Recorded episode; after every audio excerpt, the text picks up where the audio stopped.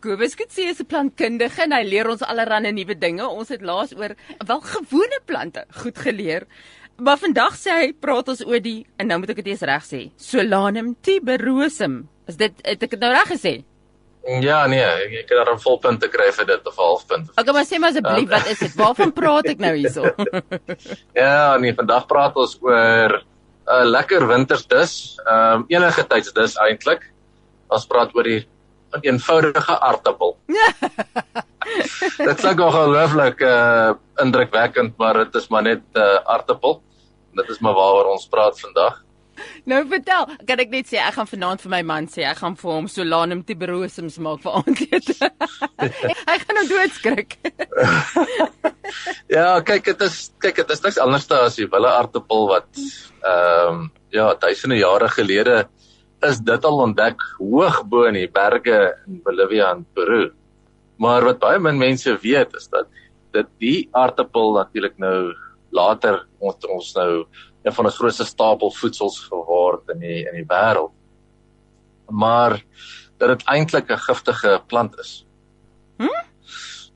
Dis korrek ja. Hy was nogal redelik giftig geweest. Veral sy blare en sy stam is nogal redelik giftig. En ja, die Inkas het dit uh, mooi reg gekry om met hierdie giftige plant saam te lewe. En nie net om mee saam te lewe nie, maar ook te kultiveer en dit te gebruik as 'n stapel voedsel. Dit het 'n ensiem uh, alkahide solanine en dit is giftig vir mense in hoë dosisse. So, so ek neem aan daai het 'n paar Inkas gesneuwel in die proses om uit te vind dat jy hierdie knol kan eet. En definitief nie die blare nie en definitief nie die stingel nie maar jy sal doodgaan. Vandag natuurlik is dit anders. Die grootste rede daarvoor is ons het al baie van die gif uitgekultiveer. Ehm um, daar is oor die 5000 uh variëteite aartappels hm. in die wêreld. Ehm um, en ek het daagliks word daar nuwe variëteite bekend gestel selfs in Suid-Afrika. Maar terug te keer na die giftige aartappel want dit is net waaroor ek wil praat en dit is nogal baie interessant is dan hierdie Inkas het agtergekom dat as jy hierdie aartappel begin vat in die winter en jy begin hom nou hard kerf en jy dan omdat dit so koud is, vries droog jy die aartappel.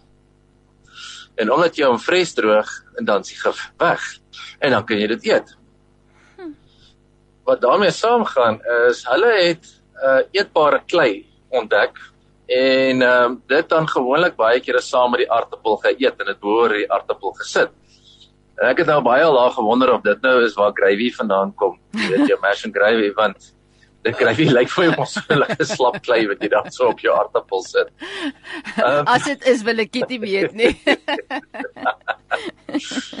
so lank storie kort basies, is dit nogal vir my baie interessant want ons praat hier van duisende jare voordat mense nou regtig van die moderne era, dit so waar ons dink ons is baie oulik om goed te vries droog het. Daai mense reeds geweet as jy begin met die aartappel en jy sny hom op en jy verwerk hom en jy vries droog hom, dan kan jy hom eet. Of as jy 'n eetbare klei op hom sit, dan uh dan is vir eenmal rede maak dit verminder die toksisiteit van die aartappel. Hmm een van die ander dinge is ehm um, as jy jou aartappel natuurlik nou in hoë temperature in olie braai soos wat ons nou ons aartappelskyfies ken dan baie van die gedagtegang het gekom dat as daar 'n bietjie groenigheid in die aartappel self was is dit giftig en dan sal die warm vet waarin jy dit nou braai hierdie gif neutraliseer. So met ander woorde baie koud of baie warm uiterste omstandighede neutraliseer dan nou die gif. Basies, maar jy moet hom verwerk in die koue situasie, so jy moet hom kerf. O. En dan uh, dan droog jy hom en dan vries droog jy hom basies in daai koue situasie, ja. So ons gaan nou seker nou Romeine 21 ook, né? Ja, wat ek baie interessant gevind het en ek het nogal baie daaraan gedink is ek het al 'n idee gewonder of hierdie uh, aartappel nie dalk in die boom van goed en kwaad gelewe het nie. Ehm um, net net omdat hierdie gif van hom het met ongelooflike voedingswaarde in hom. Ehm um, en dat dit eventueel 'n stapelvoedsel gaan wees soos 'n mielie en 'n koring. Vind ek dit baie interessant. Omrede is dit nie maar tog soos ons mense wat met sonde lewe en dat sonde basies kom steel dit by ons om 'n vrugtevolle bestaan uh te kon bestaan nie hmm. en dat jy éventueel die bloed van Jesus nodig het om soos 'n eetbare klei amper oor is om die sonde uit jou uit te trek um om dit so te kan stel.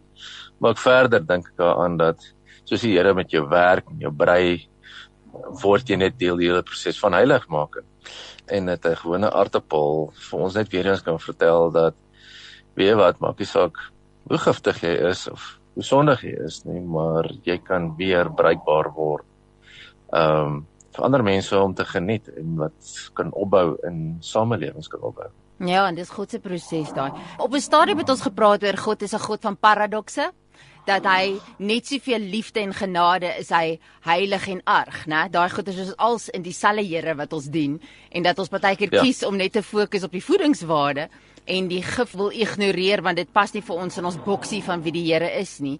En dat iets soos hierdie wat in hierdie wille aardappel vir ons wys dat een ding wat daar voor jou staan het, het allerlei elemente en dat die die volheid van daai is is 'n waarheid. Ons God van paradokse, dit is die waarheid. En die ander ding is hierdie ding wat jy ons vertel is geskiedenis, né? Dit is dit daar ver en duisende jare gelede was die aardappel hierdie giftige ding met en die hele proses wat dit gevat het is 'n storie en is deel van die geskiedenis wat hom gekry het tot waar ons vandag heerlik smil aan ons aardappels en geen idee het daarvan dat dit is waar hy vandaan kom nie. En as jy daaraan dink, is dit presies in ons pad met die Here. Het ons geen benul wat die Here al aangevang het voor ons daai dag hmm. gebore was en wat se werk hy al gedoen het in ons lewens of die lewens van die mense om ons al nie. Al die goeders, die stappe wat wat jou bring tot by 'n nuttige, bruikbare voedingswaarde plek, jy weet, waar jy gebruik kan word, is is iets wat vir my ook uitgebeeld word hierdeur.